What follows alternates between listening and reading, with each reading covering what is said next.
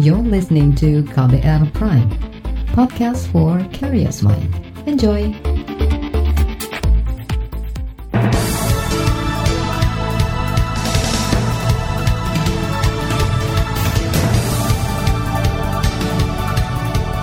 Selamat pagi saudara, senang sekali kami bisa menjumpai Anda kembali melalui program Buletin Pagi edisi Jumat 30 Oktober 2020 bersama saya Fitri Anggreni. Sejumlah informasi pilihan telah kami siapkan di antaranya buruh kritik pengalihan sisa BSU bagi pekerja. Pemerintah klaim kasus aktif COVID-19 di Indonesia turun. Libur panjang, penyeberangan Banyuwangi Bali meningkat. Inilah Buletin Pagi selengkapnya terbaru di Buletin Pagi. Federasi Buruh Lintas Pabrik FBLP meminta pemerintah tidak menyerah dalam melakukan verifikasi data penerima bantuan subsidi upah atau BSU. Ketua Umum FBLP Jumisih mengatakan subsidi merupakan hak bagi para pegawai untuk mendongkrak daya beli di masa pandemi. Pemerintah sebaiknya tidak mengalokasikan dana tersebut untuk keperluan lain saya juga meminta supaya data itu diselesaikan dong, jangan menyerah dong. Kami sebagai serikat buruh kalau misalnya dimintai tolong untuk pendataan juga kami oke okay kok. Jangan punya sikap menyerah gitu untuk melakukan upaya yang dianggap baik ya. Dan kupikir serikat-serikat buruh lain juga kalau misalnya dimintain tolong untuk kerjasama terkait dengan pendataan, aku pikir nggak ada masalah gitu. Jadi dalam situasi sulit di tengah masa pandemi gitu, peran negara itu dibutuhkan untuk memberikan uh, daya untuk bertahan. Ketua Umum FBLP Jumisih menilai rencana pemerintah mengalihkan anggaran subsidi upah lantaran pendataan yang belum maksimal untuk program lain tidak tepat. Sebelumnya Kementerian Ketenagakerjaan menyebut masih ada sekitar 8 triliun rupiah bantuan subsidi upah bagi pekerja atau BLT pekerja yang tersisa. Menurut Direktur Kelembagaan dan Kerjasama Hubungan Industrial Kemenaker Aswansyah, sisa yang tidak terserap itu akan dikembalikan ke kas negara. Selanjutnya dialokasikan untuk guru honorer di sekolah dan guru honorer pesantren. Dan dana itu kurang lebih tersisa 8, sekian triliun lah. Ya. Ya kan gitu. Hmm. Nah itu eh, kemarin kalau menurut eh, rapat-rapat eh, kami dengan eh, Kementerian Keuangan khususnya di Jen berbeda apa uh, di anggaran. Hmm. Dana ini nantinya direncanakan akan dialokasikan untuk bantuan kepada guru honorer. Direktur Kelembagaan dan Kerjasama Hubungan Industrial Kemenaker Aswan Syah menambahkan, hingga Jumat lalu anggaran bantuan subsidi upah pekerja sudah terserap sebanyak 14,6 triliun rupiah. Dari lebih 12,4 juta pekerja yang lolos verifikasi BPJS ketenaga kerjaan, belum semua pekerja menerima subsidi upah tersebut. Aswansyah tidak menyebut kendala mengapa masih ada buruh yang belum menerima bantuan subsidi upah. Sementara komisi yang membidangi ketenaga kerjaan DPR mengkritik banyaknya masalah terkait bantuan subsidi upah atau BSU gelombang pertama. Anggota komisi yang membidangi ketenaga kerjaan DPR, Kurniasih Mufidayati menyebut soal pendataan dan validasi yang bermasalah, termasuk yang kemudian menyebabkan sebagian pekerja belum menerima bantuan tersebut. Hmm. Terus yang kedua transparansi dalam pencairan dana. Ini banyak yang bolak-balik tanya ke kita kan kapan dicairkan, sudah berapa yang terserap. Ini harus ada transparansi ke publik. Ini kan APBN uangnya. Hmm. Jadi harus jelas harus transparansi kepada masyarakat. Hmm. Dari plafon sekian, gelombang satu, ini kendalanya apa saja gitu kan Uh, kemudian siapa aja yang sudah diberikan gitu. Transparansinya masih normatif ya kita melihat gitu. Anggota komisi yang membidangi ketenaga kerjaan DPR, Kurniasih Mufidayati juga meminta pemerintah transparan saat mengalihkan anggaran subsidi upah pekerja untuk guru honorer. Sementara Perhimpunan untuk Pendidikan dan Guru P2G berharap pemerintah mendata jumlah guru honorer sebelum menentukan kuota penerima subsidi upah. Koordinator P2G Satriwan Salim mendorong agar dana yang sekitar 8 triliun rupiah peralihan subsidi pekerja bisa diserap seluruhnya. Dia meminta berkoordinasi dengan Dinas Pendidikan Daerah untuk memastikan jumlah guru honorer yang pantas mendapatkan subsidi gaji sebesar 2,4 juta rupiah itu. Karena dari beberapa daerah itu melapor ke P2G yang guru-guru honorer, tapi mereka sudah sertifikasi, sertifikasi guru maksudnya, yang tidak uh, dapat, ya kan, yang tidak dapat. Nah, mengingat yang sekarang itu misalnya sudah tertuang tuh surat keputusannya di daerahnya masing-masing. Jadi sudah ada sebagian uh, terdaftar di Kemdikbud namanya, ya kan. Tetapi pas di daerah mereka nggak dapat. Perhimpunan untuk Pendidikan dan Guru P2G Satriwan Salim menambahkan, guru honorer juga berharap pemerintah tidak menyamaratakan besaran subsidi upah. Alasannya, upah yang diterima guru honorer di daerah lebih rendah dibandingkan guru honorer di kota besar seperti DKI Jakarta.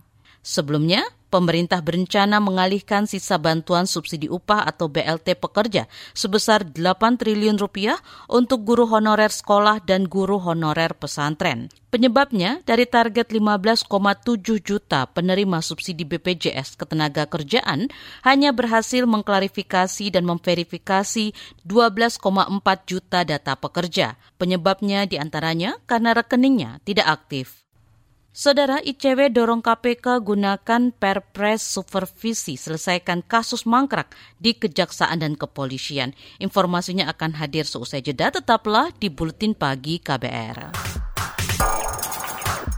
You're listening to KBR Pride, podcast for curious mind. Enjoy!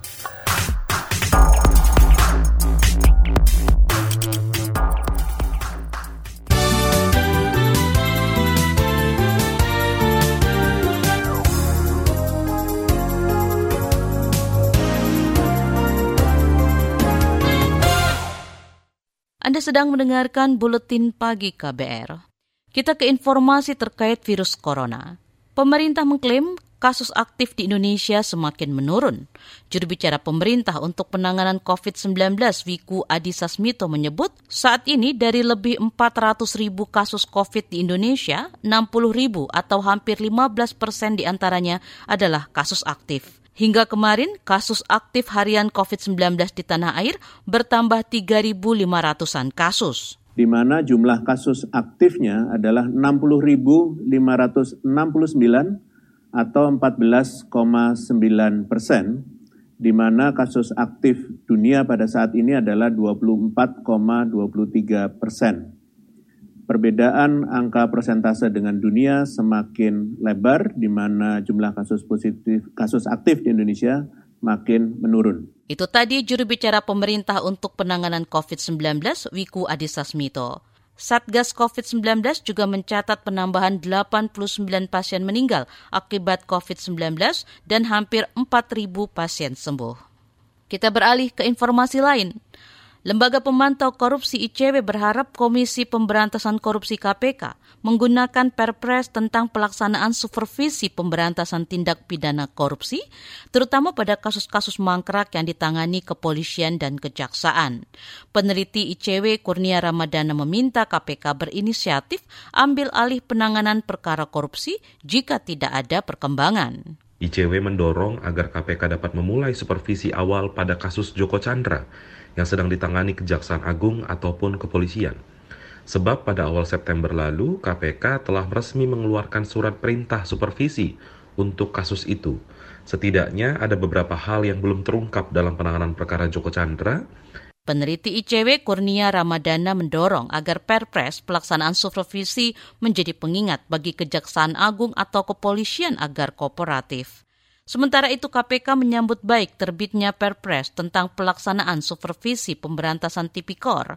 Juru bicara KPK Ali Fikri dalam keterangan tertulisnya berharap koordinasi dan supervisi KPK dengan aparat penegak hukum lainnya semakin kuat dan bersinergi dalam bersama-sama memberantas tindak pidana korupsi. Presiden Joko Widodo menerima kunjungan Menteri Luar Negeri Amerika Serikat Michael Richard Pompeo kemarin. Menteri Luar Negeri Retno Marsudi menyebut kunjungan membicarakan kerjasama di bidang ekonomi dan pertahanan. Presiden menekankan bahwa Indonesia ingin melihat kerjasama ekonomi kedua negara meningkat di masa yang akan datang, termasuk tentunya harapan terhadap perpanjangan GSP facilities kepada Indonesia. Presiden juga menginginkan agar kerjasama pertahanan dengan Amerika Serikat uh, meningkat. Dan Presiden juga menyampaikan ingin melihat Amerika memahami kepentingan negara berkembang Menteri Luar Negeri Retno Marsudi menambahkan Presiden Jokowi meminta kepada Menlu Mike Pompeo agar Amerika lebih mengenal dan memahami negara-negara berkembang di Asia Tenggara, termasuk negara muslim seperti Indonesia, guna mewujudkan perdamaian, stabilitas, dan kerjasama di kawasan. Wakil Presiden Maruf Amin menyebut masyarakat memerlukan peran organisasi muslimat Nahdlatul Ulama atau NU untuk menggerakkan pemberdayaan. Maruf mendorong Muslimat NU mengembangkan ajaran Islam yang moderat, termasuk mencegah berkembangnya ajaran radikal yang berpotensi memecah belah keutuhan bangsa. Dengan rekam jejak Muslimat NU dan kekuatan modal sosial yang dimilikinya, saya berharap Muslimat NU menjadi penangkal bagi setiap upaya memecah belah bangsa. Para ustazah hendaknya selalu menyampaikan narasi kerukunan yang menyejukkan bagi seluruh masyarakat. Wakil Presiden Maruf Amin berharap Muslimat NU terus berkontribusi membantu pemerintah dalam menangani pandemi COVID-19. Maruf juga mengapresiasi peran Muslimat NU yang turut membantu pemerintah menangani pandemi COVID-19. Misalnya kata dia, dengan memotivasi, mengedukasi, dan mendampingi masyarakat menanggulangi COVID-19 dengan protokol kesehatan. Pemerintah menyebut jumlah ekspor produk halal dari Indonesia ke negara-negara anggota Organisasi Kerjasama Islam OKI berada di urutan ketiga terbesar, yakni 10,7 persen. Meski menjadi tiga terbesar pengekspor di antara negara anggota OKI, staf ahli Kementerian Koordinator Bidang Perekonomian Ellen Setiadi menyebut ekspor produk halal Indonesia hanya sekitar 3,8 persen. Untuk itu, dalam rangka pengembangan potensi Indonesia dan memenuhi kebutuhan pasar global, Tentu kita akan memerlukan paling tidak dua hal. Yang pertama adalah pengembangan kawasan khusus yang mampu menghasilkan produk halal yang berorientasi ekspor. Yang kedua adalah jaminan produk halal baik untuk konsumen dalam negeri maupun konsumen luar negeri. Staf ahli Kemenko Perekonomian Ellen Setiadi mengatakan Indonesia menjadi negara dengan penduduk muslim terbanyak di dunia sehingga dibutuhkan industri halal yang besar pula. Kita beralih ke berita olahraga. Klub-klub Liga 1 belum bisa menindaklanjuti keputusan penundaan penyelenggaraan kompetisi Liga 1 hingga tahun depan karena belum mendapat surat resmi dari PSSI. Direktur PT Persib Bandung Bermartabat PBB, Teddy Cahyono menyebut meski penundaan akan menyulitkan semua klub, namun keputusan itu harus mereka hormati. Sementara Komisaris Eksekutif Bali United Yabes Tanuri juga masih menunggu surat resmi untuk mengambil langkah lanjut terkait pengunduran Liga 1 hingga tahun depan. Rabu kemarin Komite Eksekutif PSSI secara aklamasi memutuskan menunda kompetisi Liga 1, 2, dan 3 tahun 2020. PSSI menyebut semua kompetisi akan dimulai lagi pada awal tahun depan. Kita ke berita mancanegara. Thailand memutuskan memperpanjang status darurat COVID-19 hingga akhir November 2020. Juru bicara pemerintah Thailand, Anucha Burapa Chaisiri, menyebut keputusan itu juga telah mendapat persetujuan dari Kabinet Thailand. Keputusan ini memberikan Perdana Menteri Thailand Prayut Chan Ocha otoritas penuh memerintahkan memerangi wabah virus corona yang mematikan. Baru-baru ini Thailand juga telah menerima kembali kunjungan warga negara asing untuk pertama kalinya setelah penerbangan komersial ditutup pada April 2020. Saat ini total kasus COVID-19 di Thailand mencapai 3.700-an kasus, di mana terdapat tambahan 13 kasus baru Rabu kemarin. Laporan khas KBR bertajuk Menjaga Mangrove Pantai Bengkak bagian kedua akan hadir usai jeda. Tetaplah di Buletin Pagi KBR. You're listening to KBR Pride, podcast for curious mind. Enjoy!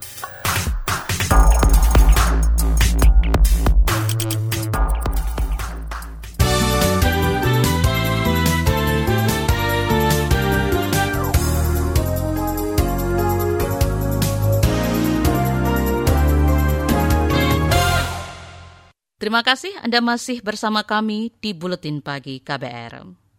Kelompok masyarakat Tirtawangi sejak enam tahun lalu merintis konservasi mangrove di pantai Bengkak, Banyuwangi, Jawa Timur. Selain mencegah perusakan dan abrasi, konservasi mangrove punya nilai tambah setelah disulap menjadi kawasan wisata tapi pandemi COVID-19 nyaris melumpuhkan seluruh aktivitas di sana. Lantas bagaimana nasib wisata dan konservasi mangrove Pantai Bengkak? Jurnalis KBR Hermawan Arifianto terjun langsung ke lokasi dan mencari tahu jawabannya. Inilah kisah bagian kedua.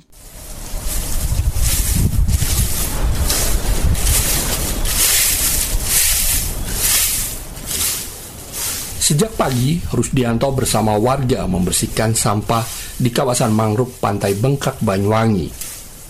Mereka juga menanam bibit mangrove. Ini biasanya dilakukan rutin atau berapa hari? Biasanya dilakukan satu minggu dua kali. Kalau hari Jumatnya ya bersih-bersih bersama pengelola. Kalau minggunya sama warga. Sekitar enam bulan, wisata Mangrove Center tutup karena pandemi COVID-19. Pemasukan dari kunjungan wisata pun seret. Beruntung, upaya konservasi mangrove berhasil ditopang swadaya warga. Kepala Desa Bengkak Mustain. Saya lihat swadaya saya. Swadaya hmm, Tapi teman-teman semangatnya ada pak. Alhamdulillah. Ada jadi bersih-bersih nanami kembali. Cuman yang perlu diyakinkan kembali bahwa wisata, eh, bukan wisata, konservasi alam dalam bentuk mangrove ini bagaimana bisa dikembangkan menjadi wisata. Hmm.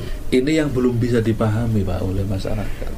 Namun perbaikan tempat wisata macet antara anggaran dari Pemkab Banyuwangi bergeser untuk pandemi. Ada juga warga yang terganggu dengan keberadaan mangrove center tersebut. Seperti bagaimana Mas Hermawan, masyarakat ini terprovokasi oleh oh. salah satu dua orang itu bahwa kalau wisata ini maju, rumah itu mau digusur. Oh. Mumet saya mas, mumetnya tuh minta ampun. Padahal kolaborasi pemerintah dan warga adalah faktor penting pengembangan wisata yang berbasis konservasi dan komunitas. Pegiat lingkungan dari Badan Kemaritiman Nahdlatul Ulama Banyuwangi Ikhwan Arif mendorong pemerintah desa untuk terus meyakinkan warga akan pentingnya wisata edukasi mangrove. Seperti di danaunya itu kan mangrove-nya sangat rusak. Itu bisa dijadikan uh, materi edukasi uh, refleksinya misalnya. Terus ada yang potensinya sangat bagus, rindang, burung yang ada di sana, terus kita duduk nyaman. Ini kan juga bisa menjadi bahan bahan edukasi.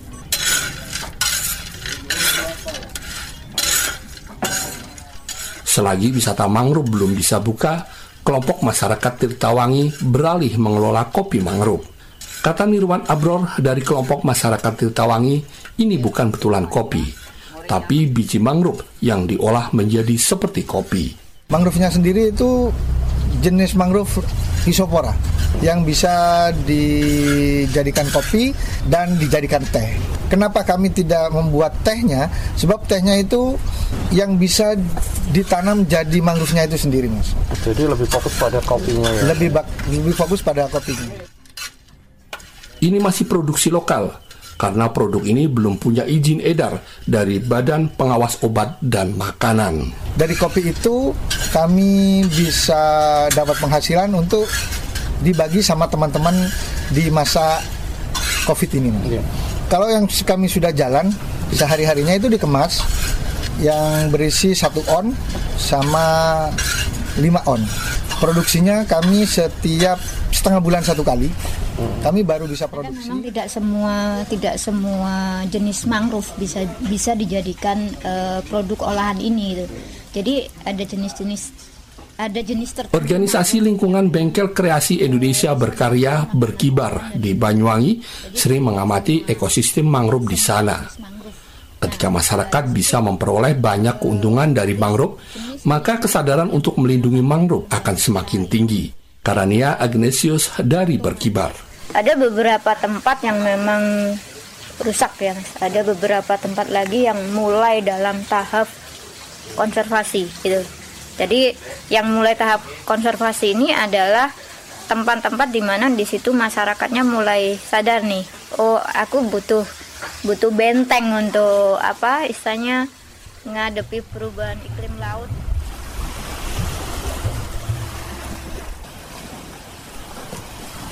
Tambah peran serta konservasi dari warga setempat, hamparan mangrove di depan mata saya ini mungkin tidak ada lagi. Demikian Saga KBR, saya Hermawan Arfianto. Terima kasih sudah mendengarkan.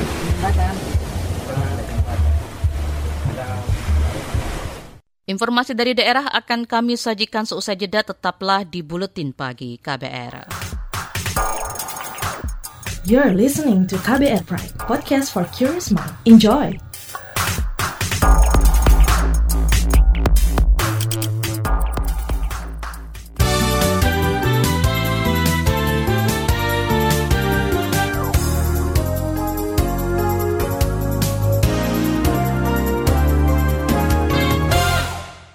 Inilah bagian akhir dari Buletin Pagi KBR. Aktivitas penyeberangan di Pelabuhan Ketapang, Banyuwangi, Jawa Timur pada libur panjang dan cuti bersama pekan ini meningkat, terutama untuk kendaraan roda 4 campuran. Manajer operasional PT ASDP Ketapang Banyuwangi, Marsadik menyebut kendaraan pribadi yang menyeberang sebagian besar berasal dari Jakarta, Surabaya, dan Bandung. Kami mempersiapkan loket-loket portable hmm. untuk mengantisipasi angkutan roda dua dan roda kendaraan kecil bila mana memang ada antrian atau hmm. uh, bila mana sudah apa namanya kendaraan mulai mengular. Loket portable dua ini sudah kami buka hmm. karena mulai dari kemarin sudah ada gelagat sudah ada kendaraan mengalir dari arah Jakarta dan Bandung itu sudah plat B dan plat itu sudah ada masuk hmm. ke pelabuhan. Manajer operasional PT ASDP Ketapang Banyuwangi Marsadik menambahkan, lonjakan kendaraan yang hendak menyeberang ke Bali terjadi kemarin. Puncak arus balik diprediksi akan terjadi pada minggu. Kita ke Jawa Barat, pemerintah kota Bekasi mengizinkan bioskop kembali beroperasi agar memicu pemulihan ekonomi. Wali kota Bekasi Rahmat Effendi mensyaratkan pengunjung wajib mengenakan masker, memakai penyanitasi tangan, dan jaga jarak aman. Selain itu, suhu tubuh pengunjung bioskop tidak boleh melebihi 37,3 derajat Celcius. Saya dengan Dinkes, dengan eh, Parbud, dengan Satpol PP dan beberapa teman kunjungan ke apa nih X1 X1, X1 ya. Dan saya sudah dijelaskan dari sejak masuk pakai barcode, terus 3M-nya sampai dengan persiapan persiapan self assessment untuk memotong uh, karcis itu oleh sendiri di dalamnya. Saya kira semua sudah memenuhi standar uh, protokol kesehatan yang baik. Wali Kota Bekasi Rahmat Effendi juga membatasi operasional bioskop yakni mulai pukul 4 sore hingga 11 malam. Kata dia usia pengunjung bioskop juga dibatasi mulai 10 hingga 60 tahun. Pemkot akan memberi sanksi jika melanggar aturan tersebut. Beralih ke Kalimantan Timur, pemerintah kota Balikpapan dan DPRD setempat tengah menggodok rancangan peraturan daerah Raperda yang mengatur tentang protokol kesehatan COVID-19. Menurut Kepala Satpol PP Kota Balikpapan Zulkifli, protokol kesehatan rencananya akan digabungkan dengan perda tentang penyelenggaraan ketertiban umum apa protokol COVID ini akan ditingkatkan menjadi perda. Nanti akan diintegrasikan dengan perda penyelenggaraan ketertiban umum salah satu nanti seperti itu itu juga yang terjadi di beberapa daerah terutama di Surabaya ini dalam proses di di DPRD jadi direvisi jadi yang Perda 10 tahun 2017 tentang penyelenggaraan ketertiban umum itu nanti kita ada revisinya ditertib. Jadi ini masukan yang masalah pengaturan protokol COVID. Itu tadi Kepala Satpol PP Kota Balikpapan Zulkifli. Sementara dari razia penegakan disiplin protokol kesehatan yang dilakukan Satpol PP Balikpapan, lebih dari 3.700-an warga terjaring tidak menggunakan masker. Dari jumlah itu, sebagian besar memilih hukuman bekerja sosial. Informasi tadi saudara menutup jumpa kita di Buletin Pagi hari ini. Pantau juga informasi terbaru melalui kabar baru situs kbr.id, Twitter kami di akun @beritaKBR serta podcast di alamat kbrprime.id. Akhirnya, saya Fitri Anggreni bersama kerabat kerja yang bertugas undur diri. Salam.